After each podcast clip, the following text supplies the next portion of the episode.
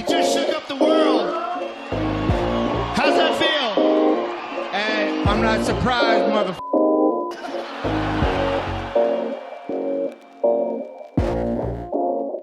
Vi kör igång. Japp. Hörru du, Fredrik Glader. Det var ett tag sedan.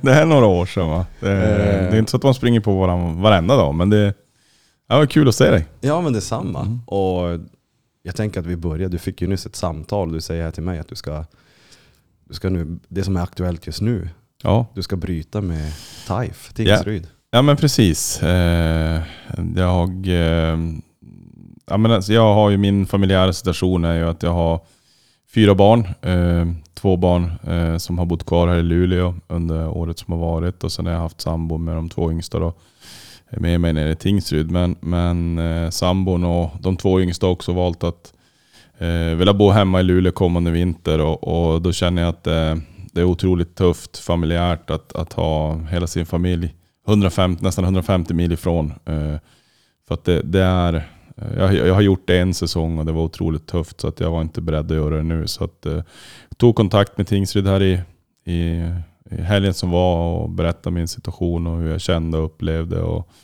med största respekt så det är givetvis eh, tråkigt. Jag har trivts bra. Det har varit en, en tuff säsong, lärorik, men, men en tid i klubben som ja, man, man har fått ett litet tajfhjärta med alla människor och den lilla bygden som, som egentligen är helt otroligt att de kan ha ett elitlag. Så att det, det är väl med blandade känslor givetvis, men ändå skönt att man har fattat ett beslut. Mm. Och precis som du säger, en tuff säsong, men ni höll er kvar. Precis. Eh, och eh, liksom jag som inte har jättebra koll på Hockeyallsvenskan, egentligen den, även fast jag har spelat hockey hela mitt liv, så men hur, känner du att det har varit en rättvis säsong för er? Hade ni skulle ni egentligen ha gått bättre? Eller känner du att ni gjorde det ni kunde med det ni hade?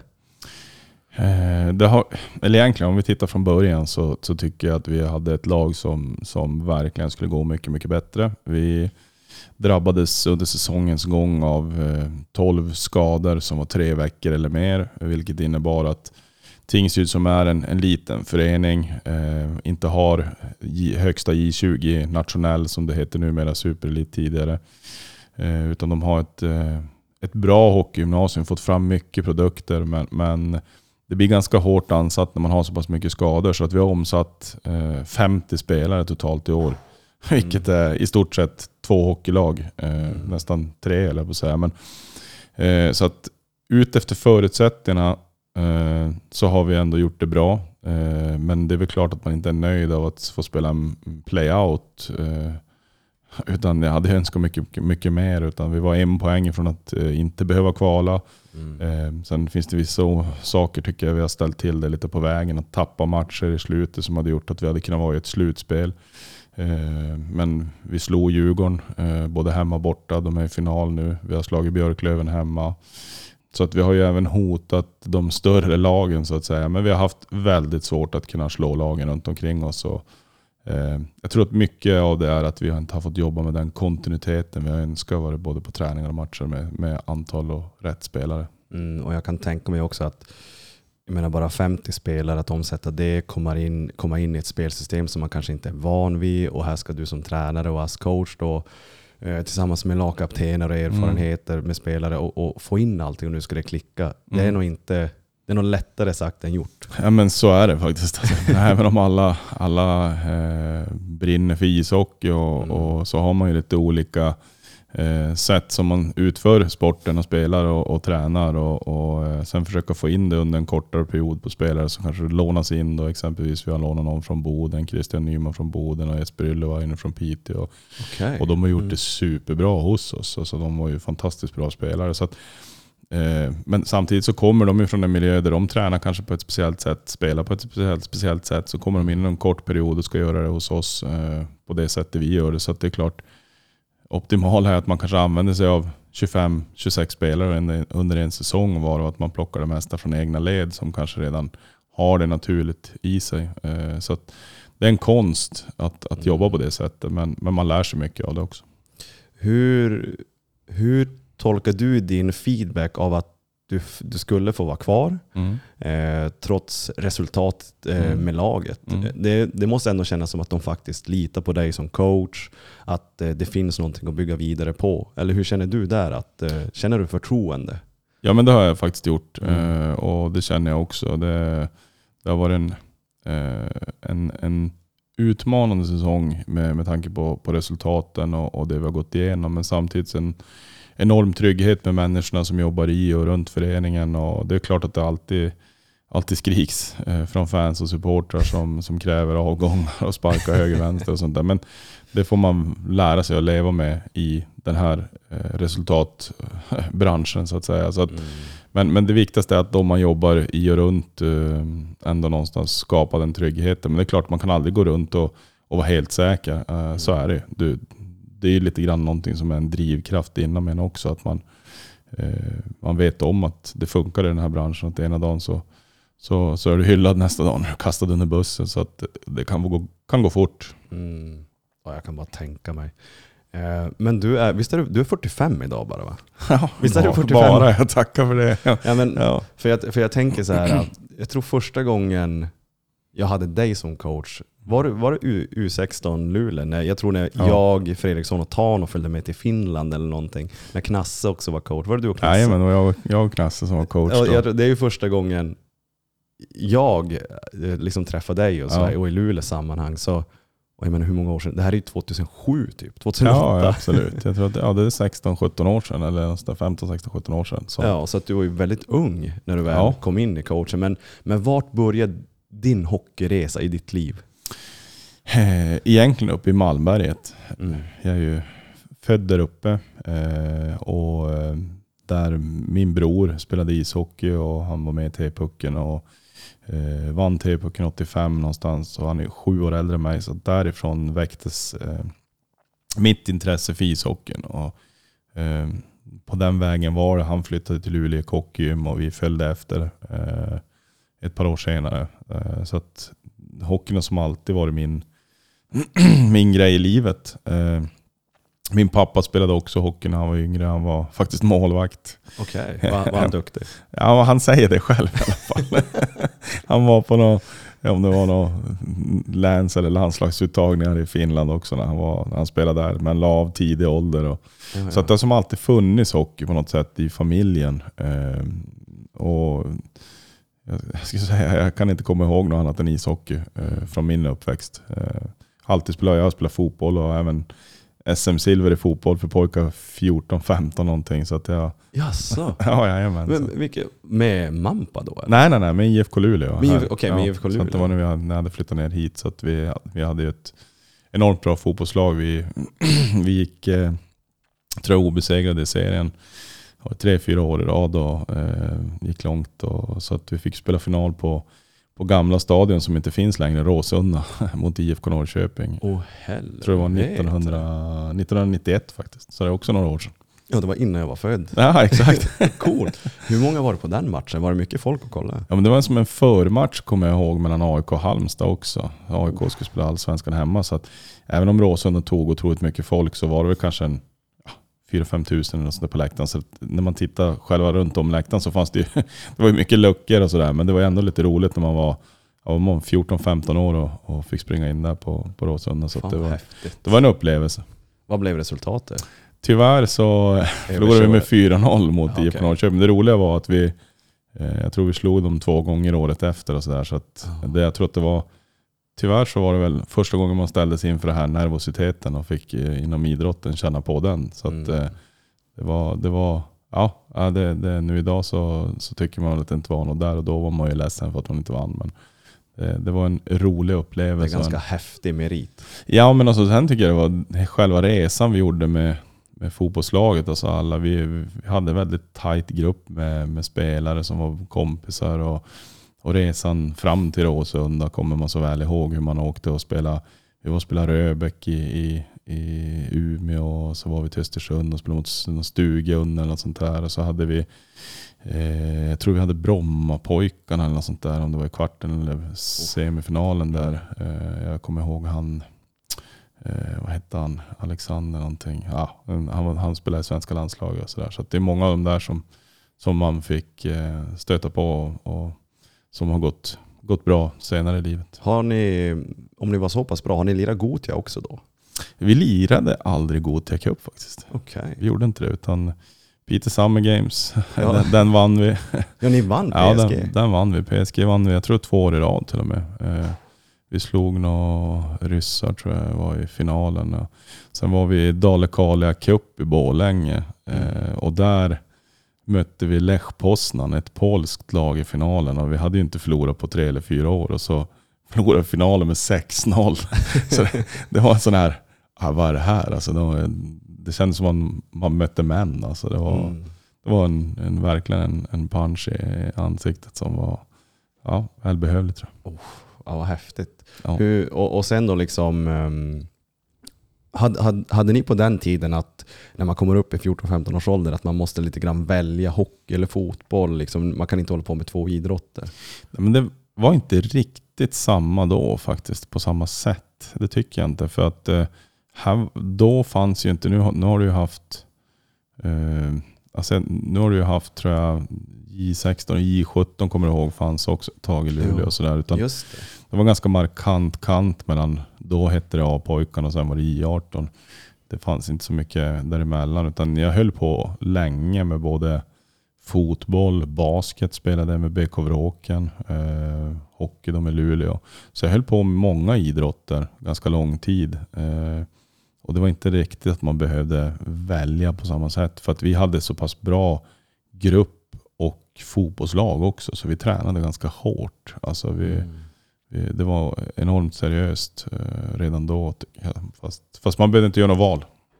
Okej. Var det, när du säger att ni tränar hårt och seriöst, var det på den tiden också att ska man elitsatsa så krävs det att liksom, det är ingen alkohol, inget godis, det är träna varje dag, bla bla bla, du vet den, hela den jargongen. Var det så på den tiden också? Ja, men det tycker jag absolut. Det var framförallt så träningen såg ju annorlunda ut då än vad den gör idag. Just det, Eh, Alltså ja. Då var det mycket lyfta tungt inom hockeyn och Okej. mycket springning och löpning, långa distanser och så här. Nu ser man ju mer intervallform och kanske Mm. lite, visst fortfarande en del tunga vikter men ganska mycket mer explosivt. Och, eh, Crossfit-liknande har jag ja, sett också. Ja men precis, lite, lite mer, alltså man kan väl säga att rörligheten är betydligt viktigare idag än vad den var då. Mm.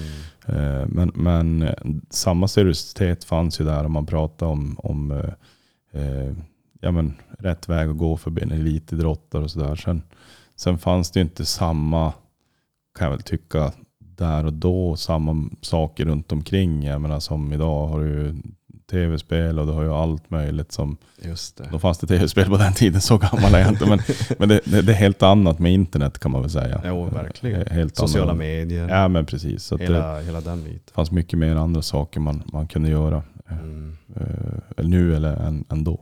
Oh ja. Mycket mer distraherande objekt liksom här ute i periferin som hela tiden kommer åt oss på, på Ja. mycket lättare sätt. Ja, men så är det och det, man påverkas och jag menar, idag väljer kanske många att hellre jag menar, åka skidor någon helg då och då med, med kompisarna och satsa på ishockey. Eller Mm. det är roligt att åka upp till fjällen och köra lite skoter och vissa kanske spelar Counter-Strike. Eh, Man hör många olika eh, eh, andra vägar att gå än, än idrotten och ishockeyn eller fotbollen. Ja, så är det verkligen. Eh, Men, men när, vil- vilken ålder eh, liksom börjar det som bli, eh, för jag menar du måste ha blivit coach om det är kring 20, i 25-28 års åldern någonstans? Nu ska vi se, nu måste jag räkna. Jag tror att jag var, jag varit coach 2005. Jag tror jag började med Luleå Hockey med 90 med Anders Nilsson och dem. Just det. Eh, Och Bola Lambamber och de här. De, deras årgång av pojkar, så det måste jag ha varit 2005 då tror jag. Mm. 15. Så då började min tränarresa och då var jag 28 år gammal. Eh, Hade du spelat hockey fram tills dess? Ja, faktiskt. Jag, jag spelade hockey. Eh, jag kom inte med T-pucken. Eh, Mm. Jag var reserv på hockeygymnasiet i Luleå och var väl en viss besvikelse där och då. Att man kände åh. Eh, så jag, jag faktiskt kom hem en dag till mamma och sa att jag ska läsa turist och hotell i Vilhelmina. Okej. Morsan bara va? Så att då flyttade jag faktiskt från Luleå när jag var 16 år gammal till, till Vilhelmina. Eh, och bodde faktiskt där ända från 93 till 2000. Men spelade hockey där eh, eh, på, på lägre nivåer. Och, eh, så att eh, hockeyn har som alltid varit min drivkraft. Även om jag har hållit på med basket, jag har hållit på med fotboll, så har ändå hockeyn varit nummer ett för mig. Mm. På något sätt. Eh, och jag spelade fotboll ganska länge också. Jag spelade fotboll till jag var 18, 19, 20. Tror jag gjorde comeback senare också. Eh, så att den har som alltid funnits också på något sätt. Och jag, är intresserad av fotboll, och tycker fotboll är kul. Men det har inte varit lika blodigt seriöst som ishockeyn har varit för mig. Mm. Och vad, vad fick dig att sen, eh, var det någon skada som gjorde att du la ner eller liksom gick över till tränarrollen eller kände du att nu vill du, liksom, du kanske inte har en tid eller orken att spela själv utan nu vill du leda istället? Var det någon skada eller var det bara ett val du gjorde? Det var faktiskt bara ett val. Jag, jag tror så här att jag har flyttat runt ganska mycket som spelare också. Jag, eh, jag spelade, ja, sen Vilhelmina då, som, var, som var sex eller sju år jag bodde där så stack jag iväg till Belgien en kortare sväng och spelade ishockey där i, i Antwerpen. Eh, kom tillbaka hem, spelade i Stockholm, eh, division 1 och gamla serien. Och så flyttade till Småland, spelade i Bor och Vetlanda, varit till Norge, Rosenborg. Eh, kom tillbaka till Småland, eh, spelade i Nässjö en längre tid. Sen flyttade jag hem och spelade lite grann med Malmberg, även med Sunderbyn. Har spelat en sväng med Brooklyn också. Så det var till slut att jag, jag lirade på de nivåerna så att jag var ju tvungen att hela tiden ha något vid sidan av ishockeyn. Alltså, Mm. Man kunde inte leva enbart på ishockeyn. Och någonstans där kände jag att när jag kom framåt 25-28 års ålder kände jag att jag var ganska trött på det där att leva i en kappsäck. Att, ja, var- vart hamnar man nu nästa gång? Och det fanns ju inte agenter heller på den tiden så man fick ju själv sitta och rodda med, med klubbar och, och komma i kontakt med dem. och Så, där. så jag varit ganska mätt på det livet tror jag.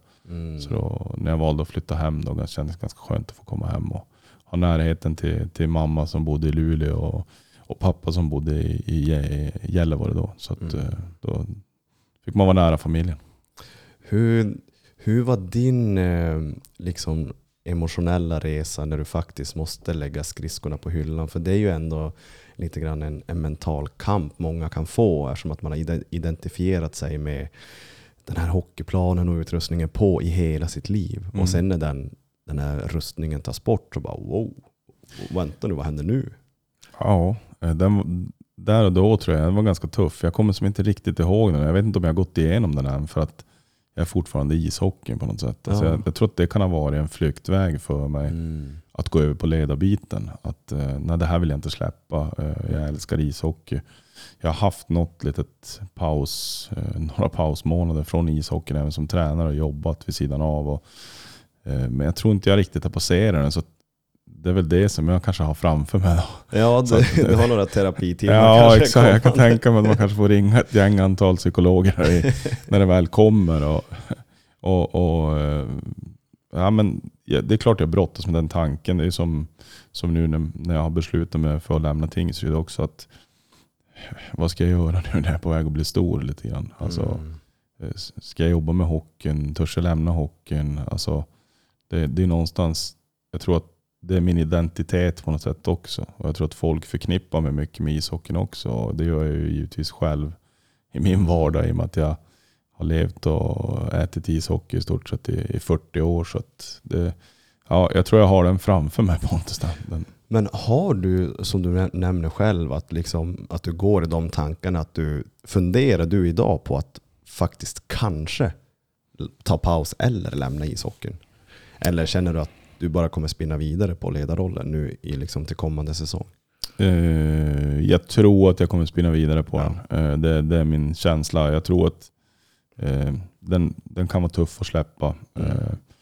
Eh, jag har ju fått prova på ganska mycket som jag är oerhört glad och, och stolt över. Jag har fått chansen att, att jobba inom ledarrollen. Så att, och det, jag vet ju hur mycket det ger, hur mycket energi och, och glädje. Och, men sen, sen det läget jag är i nu, det är att jag måste ju också se till vad jag har vid sidan av isen. Jag har ju som sagt fyra barn, eh, sambo eh, och man är inte själv utan hade jag varit själv så hade jag kunnat kanske leva lite grann som jag gjorde som spelare också. Eh, men men jag, jag älskar mina barn och, och, vill, och min familj. Jag vill gärna vara nära dem. Så att jag tror att jag kommer spin, spinna vidare på det, men, men någonstans närmare än vad Tingsryd ligger Luleå. Det är ändå 150 mil. Så att Mm.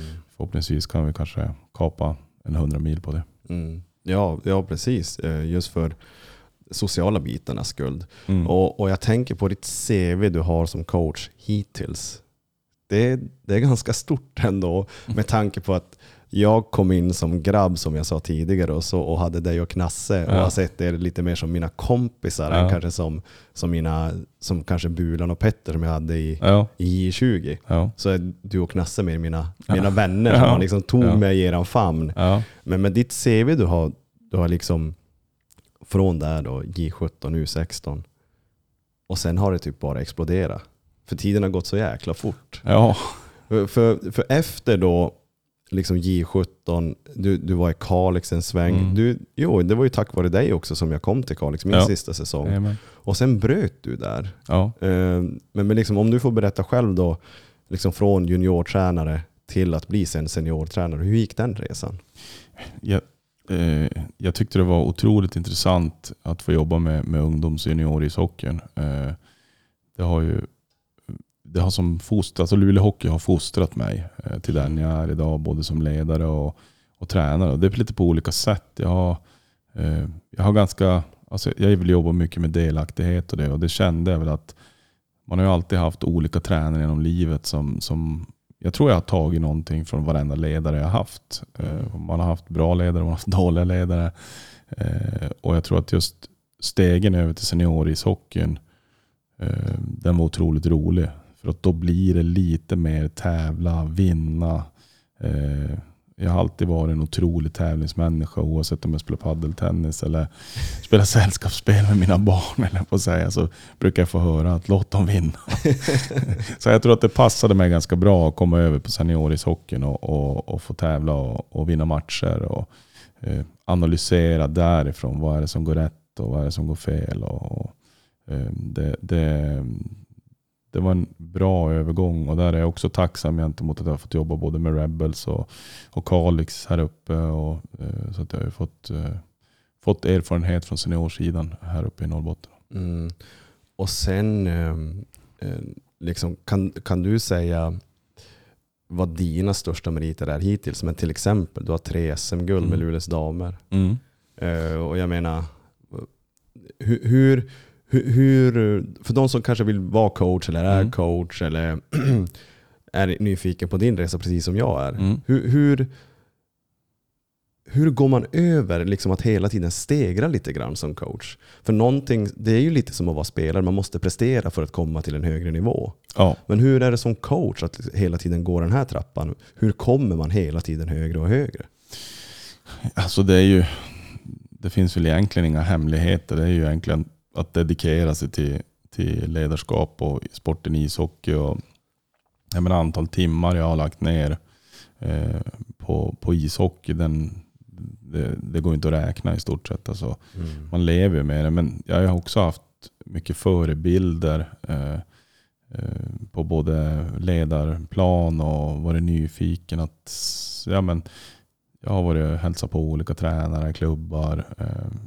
Ja, men lärt mig den vägen också. Hur gör de här? Det är inte alltid att jag eh, tycker att Luleå Hockey gör rätt saker eh, hela tiden. Och, eh, utan jag har hela tiden varit en nyfikenhet att, att vilja lära mig saker och lära känna människor. Och, och jag jobbar mycket med, som ledare också, jag jobbar mycket med, med delaktighet bland spelare. Att spelare ska känna att de mår bra i den här miljön. Och, eh, givetvis hitta en kravbild under den, den miljön också. Och där tycker jag att eh, framförallt det du pratar om damishockey, det har jag lärt mig otroligt mycket i, i att se människor, ta människor på rätt Mm. sätt eh, och behandla dem. Sen, sen eh, senare år så har jag kommit väldigt, väldigt nära Björn Hellkvist till exempel, som är i Leksand, tränare där. Han har ju också gjort en, sin resa med, med sin Parkinson-sjukdom och, och sina utmaningar. Så att, ja, men jag har fått, haft många förebilder genom åren som jag tror har hjälpt mig och, och framförallt min nyfikenhet att, att lära mig eh, Mm. olika saker. Där säger du någonting viktigt. Nyfikenhet. Mm. Men, men när du nämner att du liksom på riktigt fick lära, lära dig just det här med att jobba med, eh, med idrottare och personligheter när du, när du jobbade med damerna. Mm. Hur kommer det sig att det var just där som du kände att det var... Men jag tror framförallt så, jag kommer så väl ihåg när Munksund på den tiden hette damlaget. Eh, som eh, ringde mig, det var efter Kalix. Så ringde de mig och så sa de, ja men eh, vi har fått ditt namn på bordet att skulle du vara intresserad av att komma och, och träna Munksunds damer i riksserien, då, högsta ligan.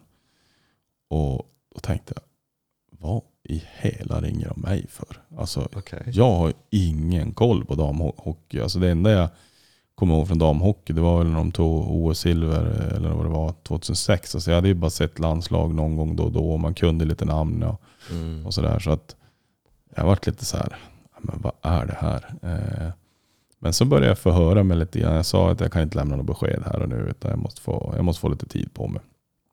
Så då hade jag faktiskt spelat med en, en, en eh, damspelare som har spelat på landslagsnivå som heter Ylva Lindberg, numera Ylva Martinsen som, som var otroligt duktig.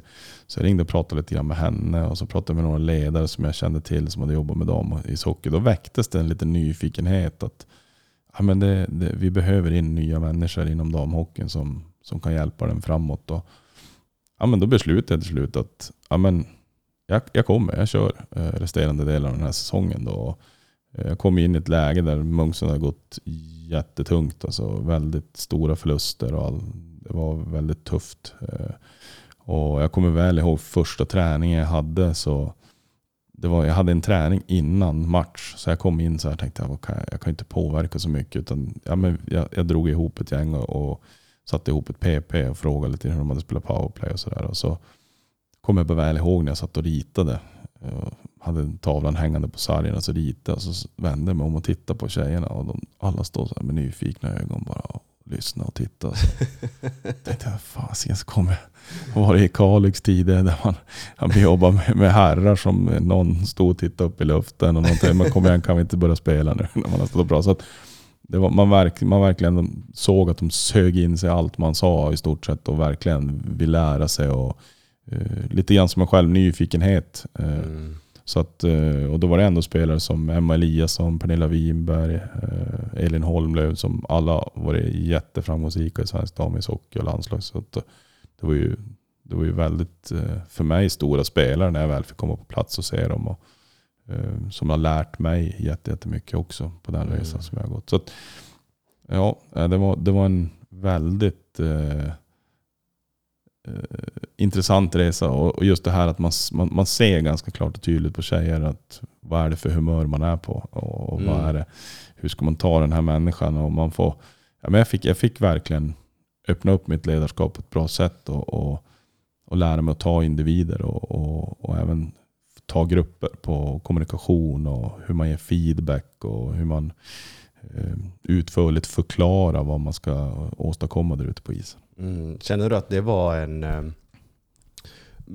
För jag kan tänka mig också att, eh, för jag menar när du jobbade, Munksen, gick de under Luleå då? Eller var det som... Nej, det, var, det var Munksund. Alltså det var, de, så de hade ingenting på den tiden med, med Luleå att göra? nej, på den egentligen. tiden hade de ingenting med Luleå att göra. Så, så att för då blir det som eh, sportchefen som är då, eller var de som en egen förening? De var en egen förening så de, Okej. de hade en sportchef där och då som, som jobbade. Och, Ah, eh, De hade precis då eh, avslutat med en tränare så jag fick komma in mitt under säsongen där. Och, ah, okej. och vi var väl väldigt eh, i botten. Men det slutade ändå med att vi gick till semifinal och verkligen höll på att hota Linköping som vann guld senare. Så det var en otroligt eh, rolig resa. Ja, och är det Munksund som sen blir Luleå? Jajamän.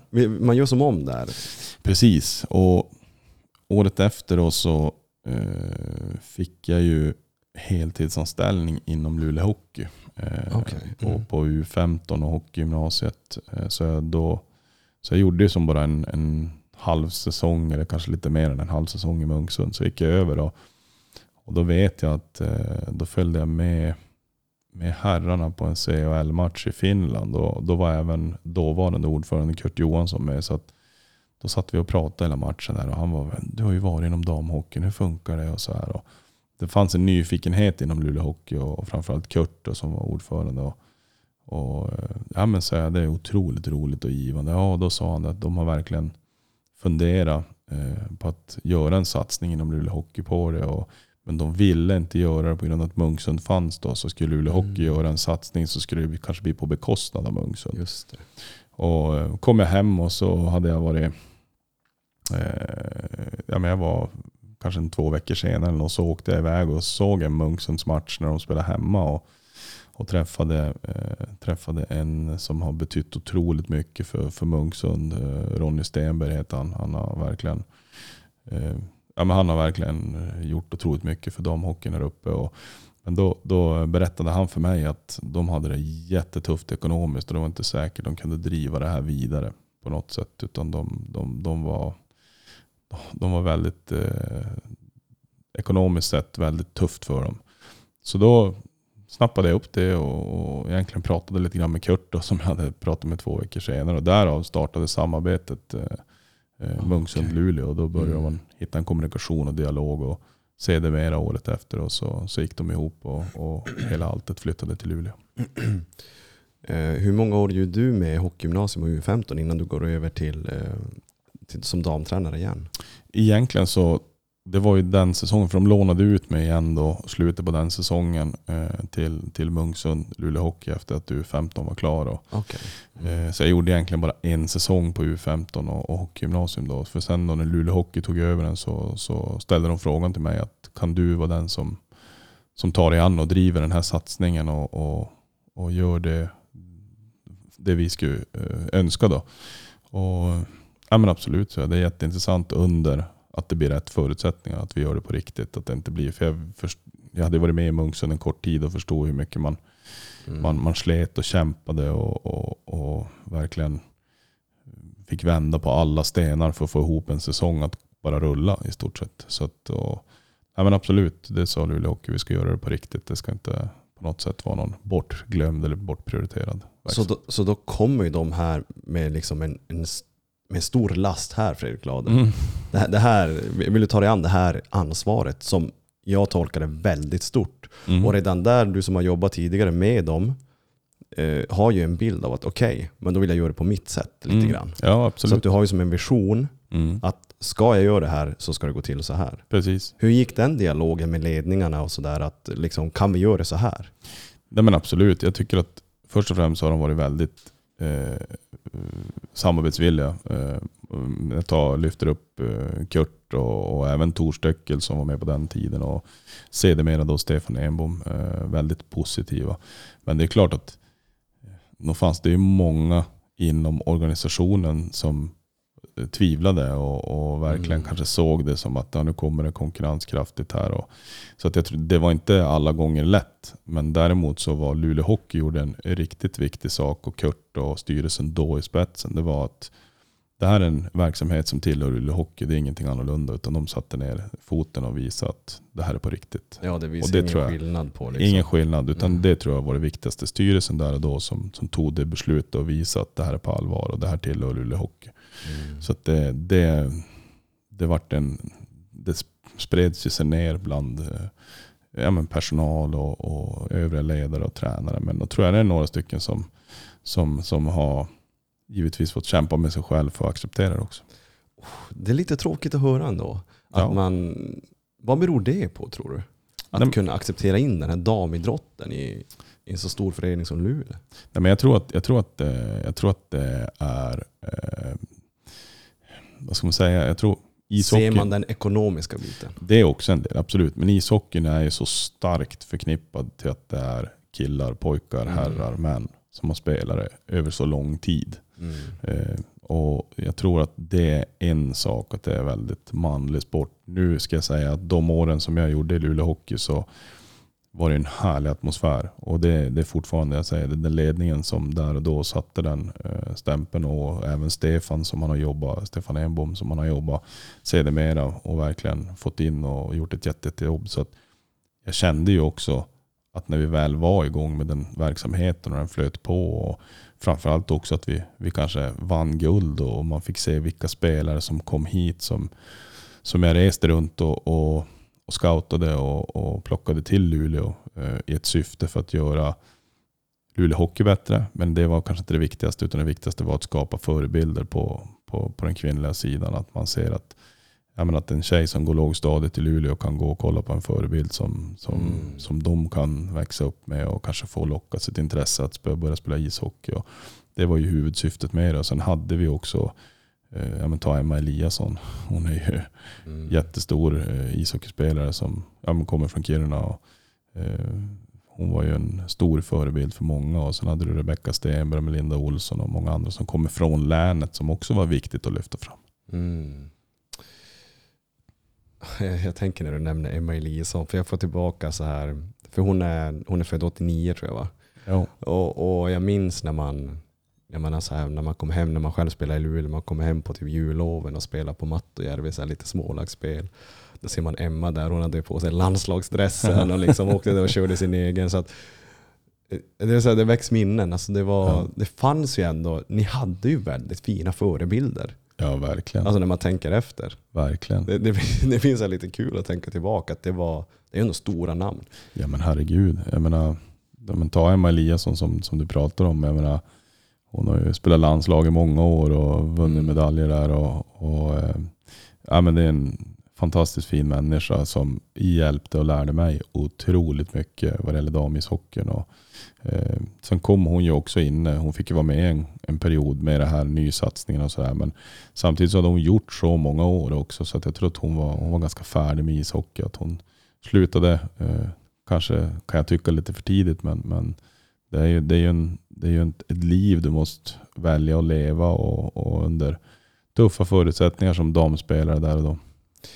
Hur, eh, för, för att göra den här satsningen, att liksom satsa på guld, att gå under Luleå Hockeys organisation, behöver man heltidsanställa hela damlaget? Eller hur är den ekonomiska biten för att de ska vilja vara här och spela här?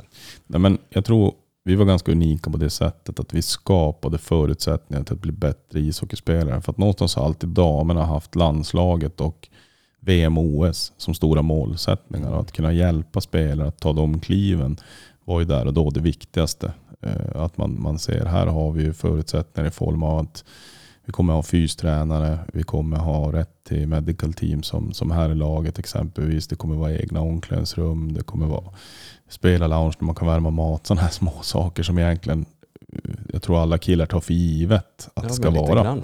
Men vi skapade de förutsättningarna, la, mycket resurser på det och, och försökte hitta jobb som, som harmoniserade med, med ishockeyspelandet. Så det var inte att man kom hit och fick helbetalt som ishockeyspelare inom okej. damhockeyn. Du fick kombinera det med något, något sorts jobb och så fick du en ersättning som kanske kunde täcka lite hyra och sådana här saker. Så att Mm. det var inte direkt eh, jättestora pengar det handlade om. Men den har ju vuxit genom åren så jag tror, att eh, eh, Luleå Hockeys spelarbudget den ser eh, betydligt större ut idag än vad den gjorde när vi startade det. Mm. Vilket jag glädjer mig för det, det, det är rätt riktning att gå. Mm. Men sen, sen, sen det som också var så kul att se var ju att det växte ett intresse bland fans och supportrar och ute i länet. Och, eh, kan väl avslöja, det var ju lite roligt där när, när, vi, när, vi, när vi värvade Michel Karvinen till exempel så, så såg jag till att putta ut det så att det vart lite ute bland fansen. Så att det växte ju ett namn och då började man googla. Ingen visste vem Michel Karvinen var för de började googla och säga att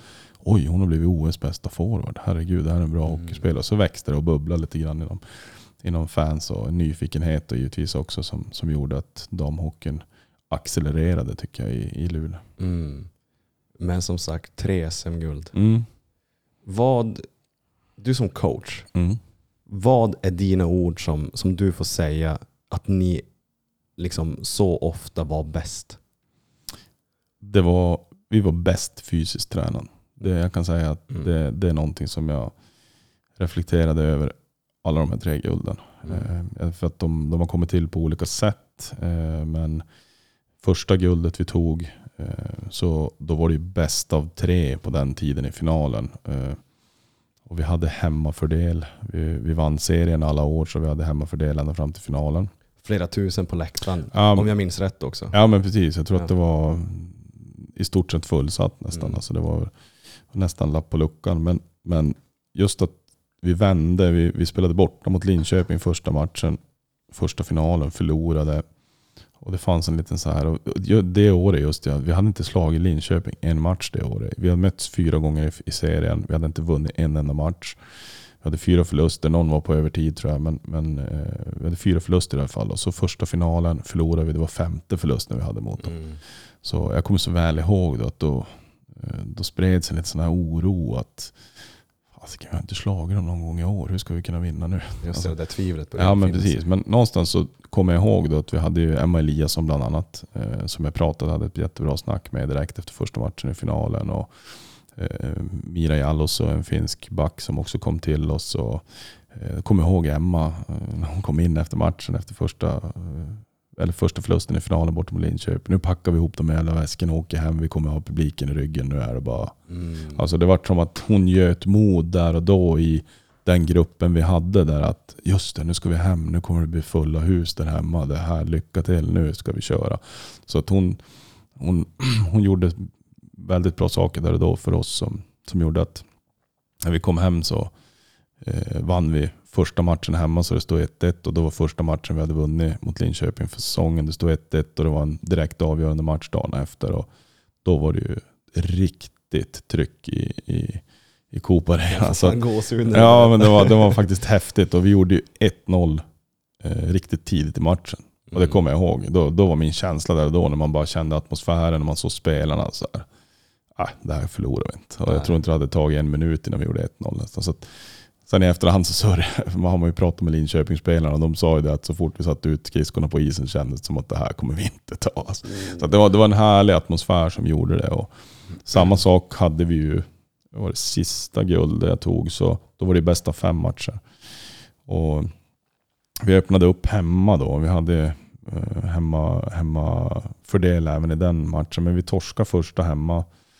Eh, åker ner till Linköping. Eh, torska andra borta. Det står 2-0 till Linköping matcher. Vi vet om läget att nu måste vi vinna tre matcher i rad om det här ska gå vägen. Och, eh, det var en otrolig, men när vi kom då kommer jag ihåg också att eh, det var jag, Malin Holmqvist och Oskar Hägerström. Vi, vi samlades i, efter, direkt efter matchen gick vi ner, vi bodde på Scandic i Linköping. Så vi samlades i konferensrummet där och pratade igenom att vad, vad står vi inför? Och, och då kommer jag ihåg att jag skrev upp en massa ord, eh, eller saker som vi var bättre än Linköping på. Och vi hade ju analyserat matcherna. Och, eh, sen samlade vi gruppen och så, ja men det, nu är det det här läget. Och, och vi tror på er stenhårt. Alltså, vi visade lite bilder och lite, eller lite filmer och det. Och sen så hade jag, drog jag upp då alla de här sakerna. Vi var, jag tror över 20 saker var bättre än Linköping på. Och det första som hände då var, kommer jag ihåg, att Ronja Savolainen ställde sig upp och bara skrev sin autograf på tavlan.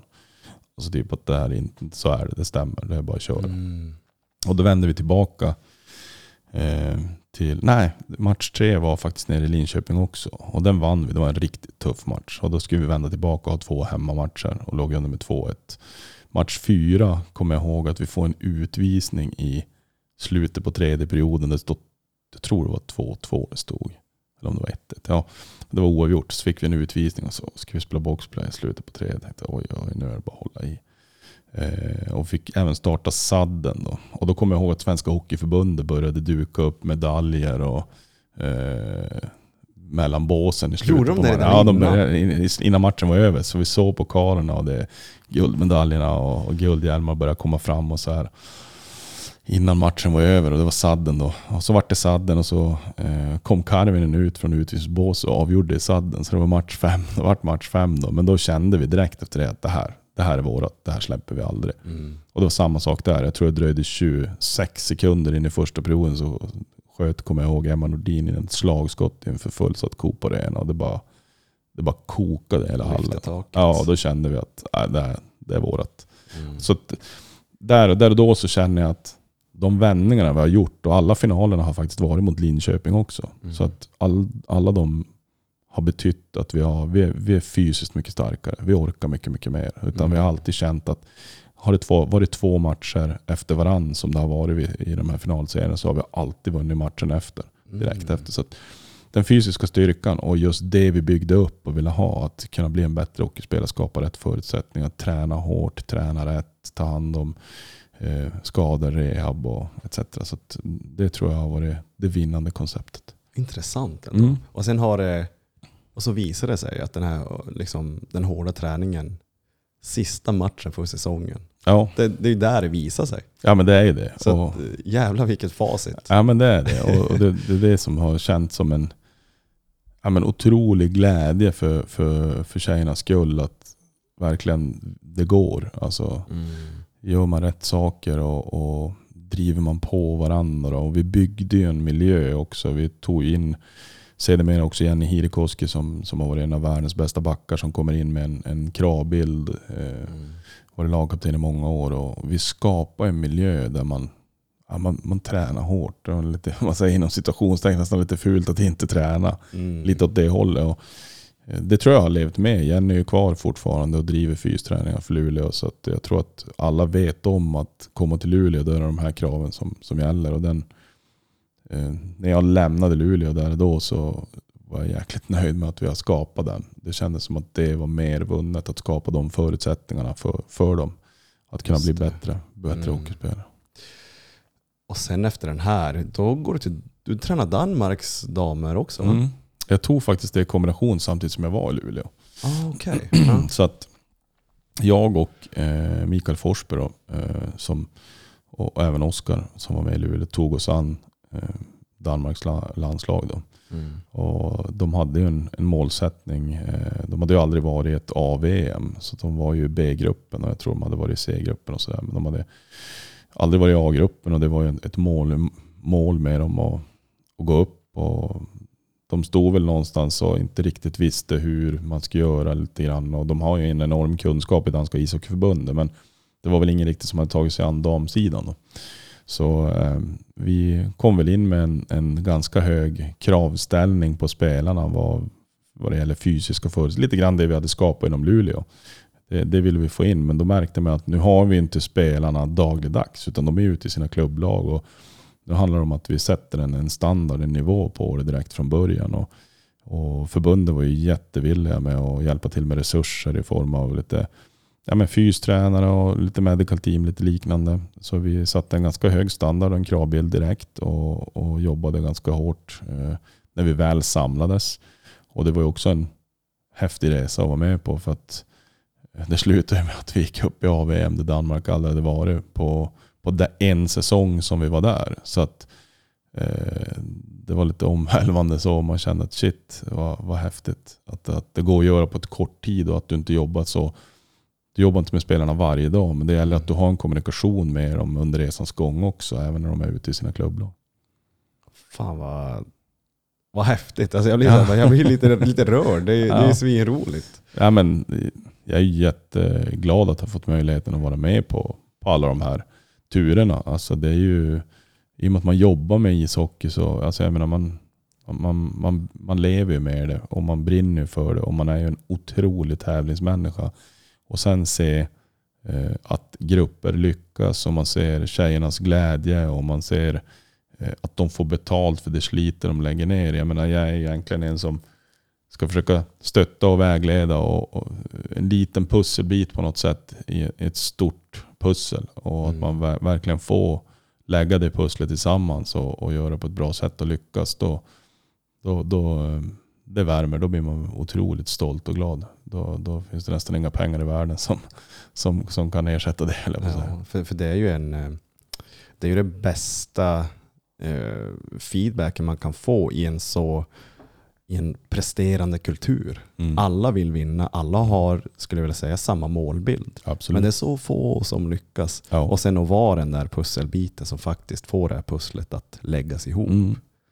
Ja, det, det är häftigt. Ja, men det, det är som du säger. att det, det, det är en sak att säga att man ska vinna, men det är en helt annan sak att, att göra det. Lägga ner slitet och jobbet. Och, Och, det, det, där någonstans måste du få alla människor som, som inte bara spelarna utan alla som är runt omkring att förstå vad det är som krävs. Det Oh, krävs ja. att ja, men jag som materialare måste ge rätt förutsättningar för att tjejerna ska kunna träna bra eller killen kan träna bra. Eller, eh, samtidigt vi ledare, vad, man, vad, man, eh, vad de kan ställa för krav på oss. Och alla som är runt omkring och få en hel bubbla att knyta, knyta samman. mm. och efter eh, att ni har gått upp i, A, i AVM, vad, vad hände sen? Vart, tar din karriär då vägen? Ja, men det, blir, eh, det var tanken var att vi skulle fortsätta med Danmark då. Mm. Eh, men under sommaren som går så, så får, eh, hör Modo av sig. Eh, där. Hur kommer det sig? Hur, hur vet Modo om dig? Liksom, förstår du? Så här, kontaktnät, allting bara Modo helt plötsligt ringer. Alltså, ja, eh, nej men alltså, jag, tror att, jag tror att där och då så ville väl Modo välja att gå en väg. Och, och eh, Jag tror att de, de är ju också en mm, förening som har funnits damhockeyn under lång tid inom Modo. De är väl en av de första föreningarna i Sverige som, som har jobbat med det. Så att, jag tror att där naturligt kanske det har varit att det var Modo, att man har, att man har jobbat inom damhockeyn och nått framgångar där. Då. Och, där, jag kommer inte exakt ihåg hur det var man connectade, connectade ihop, men vi, jag kom i kontakt med, med dem i alla fall. Och, eh, de frågade om det fanns ett intresse att eh, komma in och, och jobba som, som sportchef, general manager åt, åt Modo Hockey. Och det inkluderar både herr och, herr och, och juniorsidan. Och sen har de en sportchef på damsidan som, som jag även kommer hjälpa och, och, och jobba tillsammans med.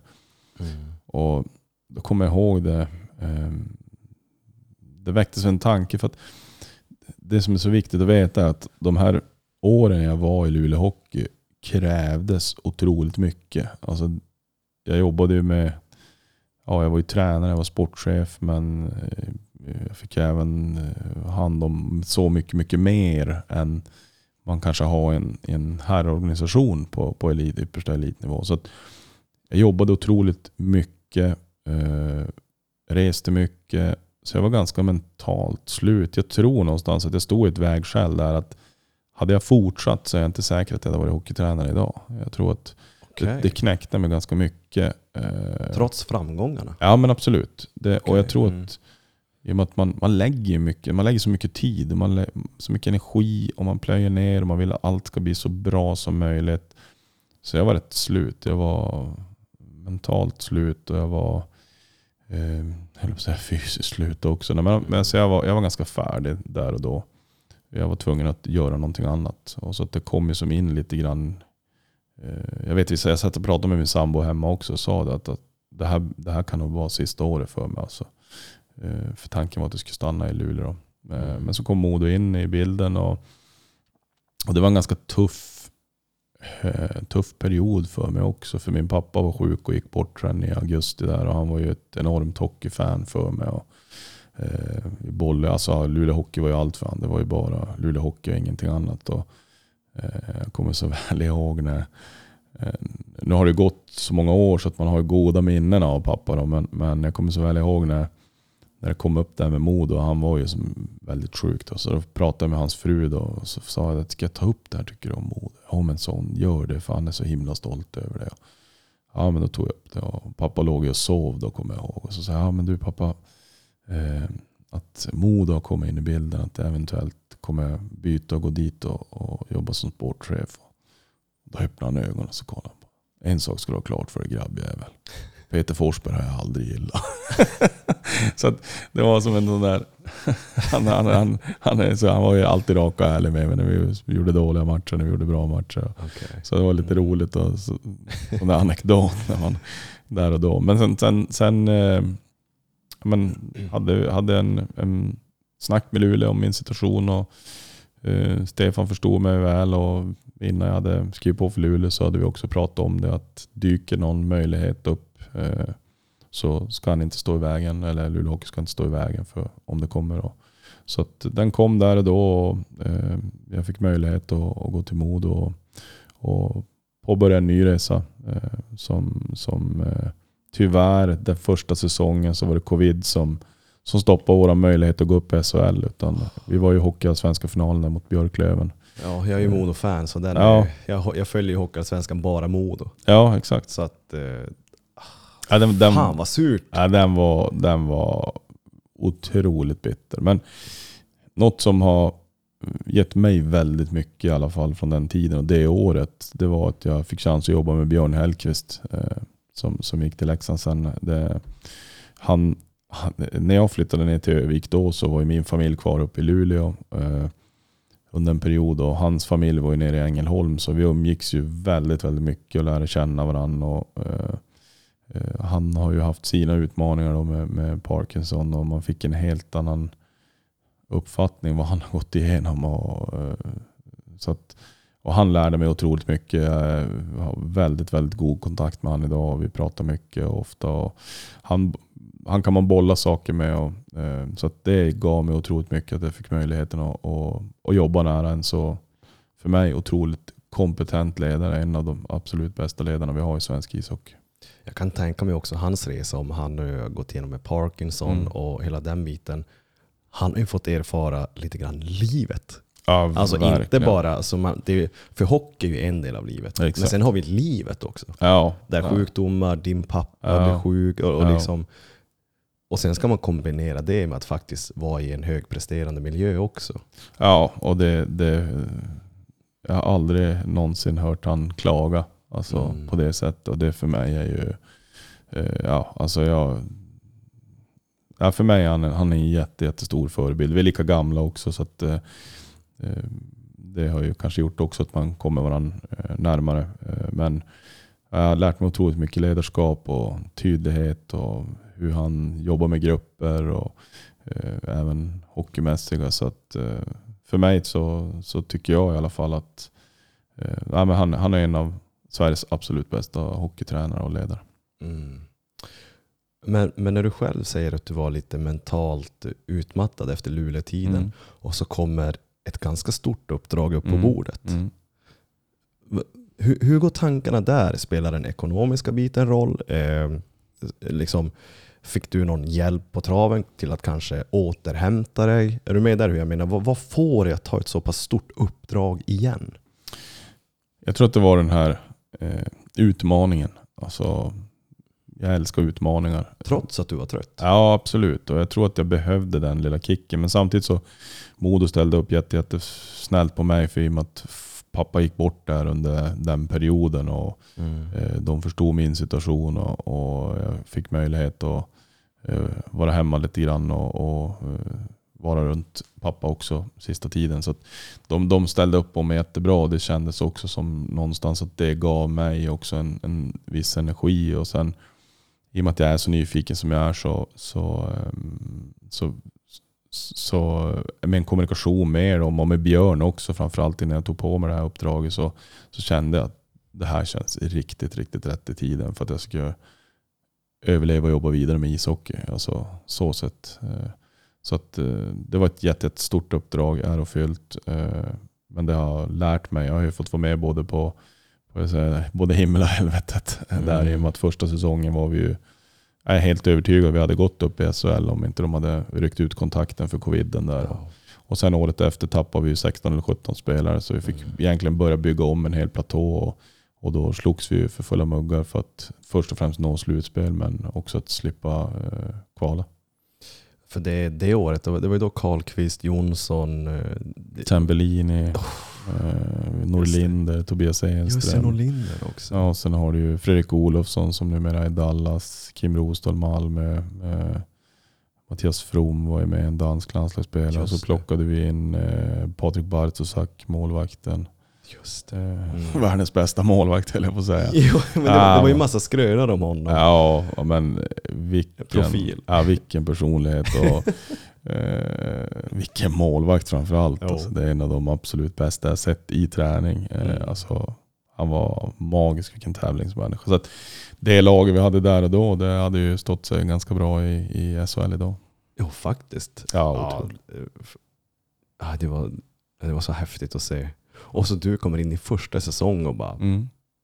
det bara, det bara fortsätter gå bra för dig. Ja, det gjorde ju det. Sen året efter kom ju Ja. den där tuffa situationen. Men precis. Samtidigt så, så jag menar, eh, där och då när jag kom in i det fick jag ju en, en, en otrolig, jag menar Björn hade gjort ett otroligt jobb också så att jag kom in och få en jätte, jättehjälp av han och, Mm. och det kändes som att vi verkligen sporten där och då, för att när man jobbar på den här elitnivån måste sporten jobba väldigt, väldigt tajt och man måste vara eh, man måste kunna utmana varandra och man måste också kunna ha förståelse för varandra och sådana saker. Och jag tyckte vi klickade väldigt bra. Det var, det var eh, Björn Hellqvist, eh, Per Styv och, och Andreas Eriksson då, som, som jag jobbar med. Och vi var, jag tycker vi funkade jätte- jättebra ihop och, och vi, vi kunde utmana varandra. Jag menar, vissa matcher var grinigt i tränarrummet efteråt men när vi gick därifrån var vi väldigt överens och vi var enade. Så att det, var, det var härlig atmosfär att jobba med dem faktiskt. Mm.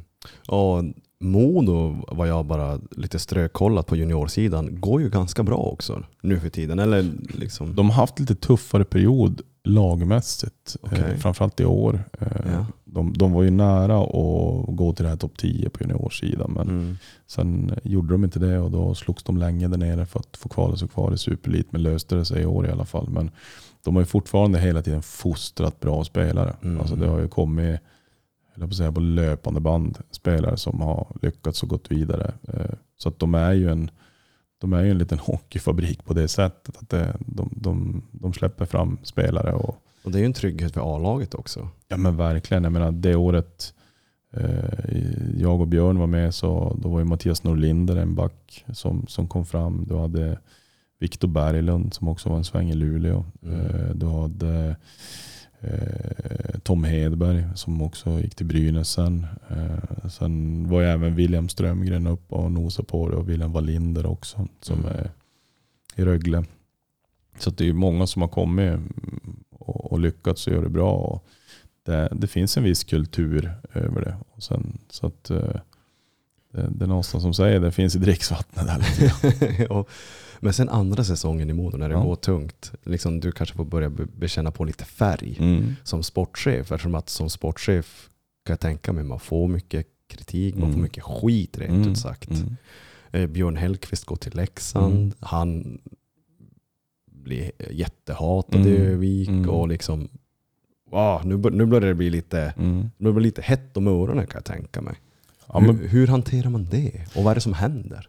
Ja, Men det, det är nästan svårt att beskriva. Man måste nästan sätta sig själv i den positionen för att få uppleva den. För att Övik framförallt är ju ett hockeymecka. Alltså det är ju Mm. verkligen hockeymecka. Så att det är ju som att du... du alltså man blir, jag kände mig väl där och då, ganska...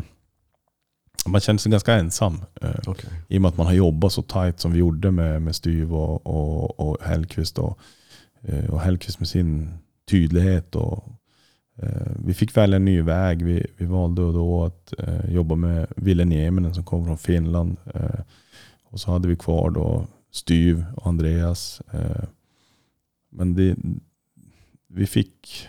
Jag tror tålamodet finns inte i Övik heller. För jag menar, om man hade kommit från en säsong där man håller på att gå upp i SHL, då är ju nästa säsong ska vi gå upp i SHL. Det är ju så. Mm.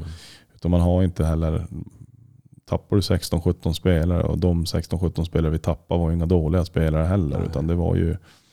Det var ju Karlqvist ju till Finland, Tambellini till Rögle, Jonte Jonsson till Skellefteå, Kim Rosdahl och Fredrik Olofsson till Oskarshamn, Bartosak till Finland, Mm. Norlinder till Frölunda, Berglund till Luleå. Så många stack ju och Tobias Enström la av.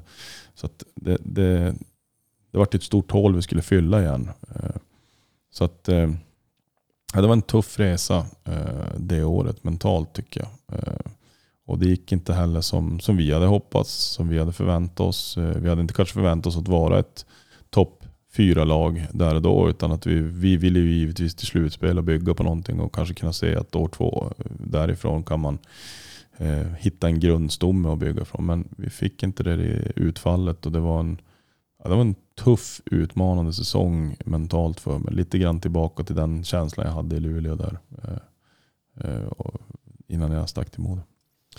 Och, och sen när ni hamnar i den här situationen, ni har inte samma mm, uppställning längre, inte samma liksom, kvalitet i spelarna Mm. om man får säga så. Mm. Hur realistisk är man då med målsättningen? Har man inte samma pjäser på brickan så blir det ju svårt att utföra det man gjorde säsongen innan. Och sen Absolut. har man en hel stad som bara nej vi ska ta SM-guld, vi, Mm. vi är hockeyallsvenska men vi är Mm. SM-guldlag. Ja. Men eran målsättning där i ledningen, hur var den? Eller går ni bara ut och säger för att det ska låta bra, ja men vi, vi ska vara topp fyra?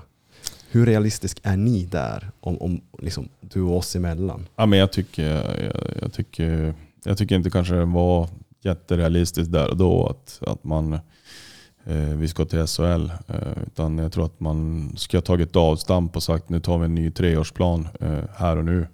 Vi bygger på tre år, om tre år ska vi vara i SHL. Eh, Men jag förstår ju att alla som jobbar med det här någonstans så, så finns det ju en, eh, längtan efter att gå till SHL. Och nu är ju Modo väldigt, väldigt nära att göra det. Och jag önskar verkligen och hoppas att de lyckas. För de är så välförtjänta av det. Både föreningen, folk som jobbar i den och, och runt den och även fansen. Så att, och det är ju egentligen ett treårsperspektiv från vart vi var där och då. Så det är ungefär realistiskt att, att göra det. Att när man har hamnat där, om man inte får behålla spelare givetvis. Alltså, Mm. Sen är det ju ofta så att i Allsvenskan så gör du en bra säsong eh, och inte går upp så, så blir du ju oftast dränerad på, på Spelare. spelare. Så är det ju. Och det ser man ju i Mora i år till exempel som har gjort en jättebra säsong, gick till semifinal men inte lyckades. De, de kommer ju tappa en hel del spelare. Och Björklöven likaså, tappar lite spelare. Och, eh, kommer Modo och Djurgården också göra förmodligen. Så, Mm. så att där och då tycker jag väl inte det kanske var riktigt realistiskt. Man ska ha varit tydlig och säga att nu tar vi en ny treårssatsning, treårsmål. Eh, Mm. men, men längtan vart nog lite för stor än, än realism. Hur hanterar det du som är ändå, du som är ändå högsta hönset i föreningen lite grann? Liksom, hur ärlig kan du vara? Det är väl klart att man, man kan vara ärlig med, men jag har ju lärt mig där också där och då. Jag kanske ska varit ännu tydligare. Alltså, Okej. jag ska varit, eh, men men det, det är saker man lär sig och jag, har ingen, jag skyller inte på någon och kastar inte någon, någon skit på någon. utan Det är inte det. Utan eh, jag lär mig saker också som människa och ledare för varenda år. Det är inte att man är fullärd på något sätt. Men, eh, det var tufft och, och jag hade säkert gjort annorlunda om jag hade fått spela tillbaka tiden. Mm. Och när du säger att det var tufft, finns det några vi pratade lite här innan vi tryckte på Mm. play, liksom mordhot och sånt och liksom Mm. hela den biten, vilket är ganska vanligt. Vi ser ju att men till exempel när um, Brännström ska, ska nu gå till HV, Mm. fan, de knackar på hans dörr och liksom Ja, jag tycker, Alltså- det, jag tycker Alltså, det. det, är ju, det är ju en baksida i den här högpresterande miljön som vi pratar om och nu du vart utsatt. Liksom. Mm. Ja, jag kommer så väl ihåg det. det var, vi spelade Mora hemma eh, och det var en sån där match, jag tror vi ledde med 5-1 eller 4-1 eller och så torskade vi den i sadden eller något där slutet så att vi tappade i matchen. Och, man var ju otroligt frustrerad och förbannad själv över den matchen och så kommer man hem och så helt plötsligt dimper in ett, eh, ett eh, mordhot på, på Instagram. och eh, Första reaktionen jag fick var ju förbannad. Så jag tänkte, Mm. vad fan är det här? Alltså, det var nästan så att jag önskade att han hade knackat på dörren då istället som man fått se människan. Precis, ja. Men, men eh, ja, det drog igång en ruljans där det var till polis eh, anmält från ligan. Och, eh, då, då kommer jag ihåg första tiden man gick, för det här var ju senare delen på säsongen, så att man har ju gått igenom många känslomässiga tillstånd och satt på en viss anspänning. Så där och då så jag kommer jag ihåg när man gick ut från lägenheten själv, att man omedvetet rekognoserar vad är det för människor som rör sig, vad är det för bilar som parkerar. Alltså, det vart lite så. Och sen började man tänka efter, fasiken man har ju barn också och familj. Och det vart en, en liten känsla av att eh, otrygghet eh, på något sätt av det omedvetet. Men, men eh, de fick ju tag i, personen och, och eh, jag konfronterade den också då. Den hade begärt det och var väldigt, väldigt ångerfull. Eh, Så att någonstans så jag har alltid sett på människor som att eh, det finns en människa bakom allt. Och eh, jag tyckte det var starkt av den personen också att kliva fram och, och vilja konfront- ha en konfrontation och, och förklara sitt. Och han, var väldigt, väldigt ledsen. Eh, Så att eh, eh, jag accepterade hans ursäkt och, och eh, tyckte ändå det var strångt av honom att kliva fram. Och, eh, han var till dömd också för det. Ja, okej. Ja, men, men jag tror att man ehm, i, i en sån här känslomässig också miljö är det ju. Mm. Att fansen tror jag egentligen inte vill någon egentligen någon illa. Utan det är, det är frustration, det det är som du säger längtan att gå upp och, Mm. och, liksom, och så i stridens hetta så drar man iväg ett mordhot. Det, är så, Mm. det låter ju jättedåligt. Ja. Men, men det är ändå så här, man kan se människan bakom det. Man Mm. kan se att det kanske är en, en människa med dålig impulskontroll Ja. etc. etc.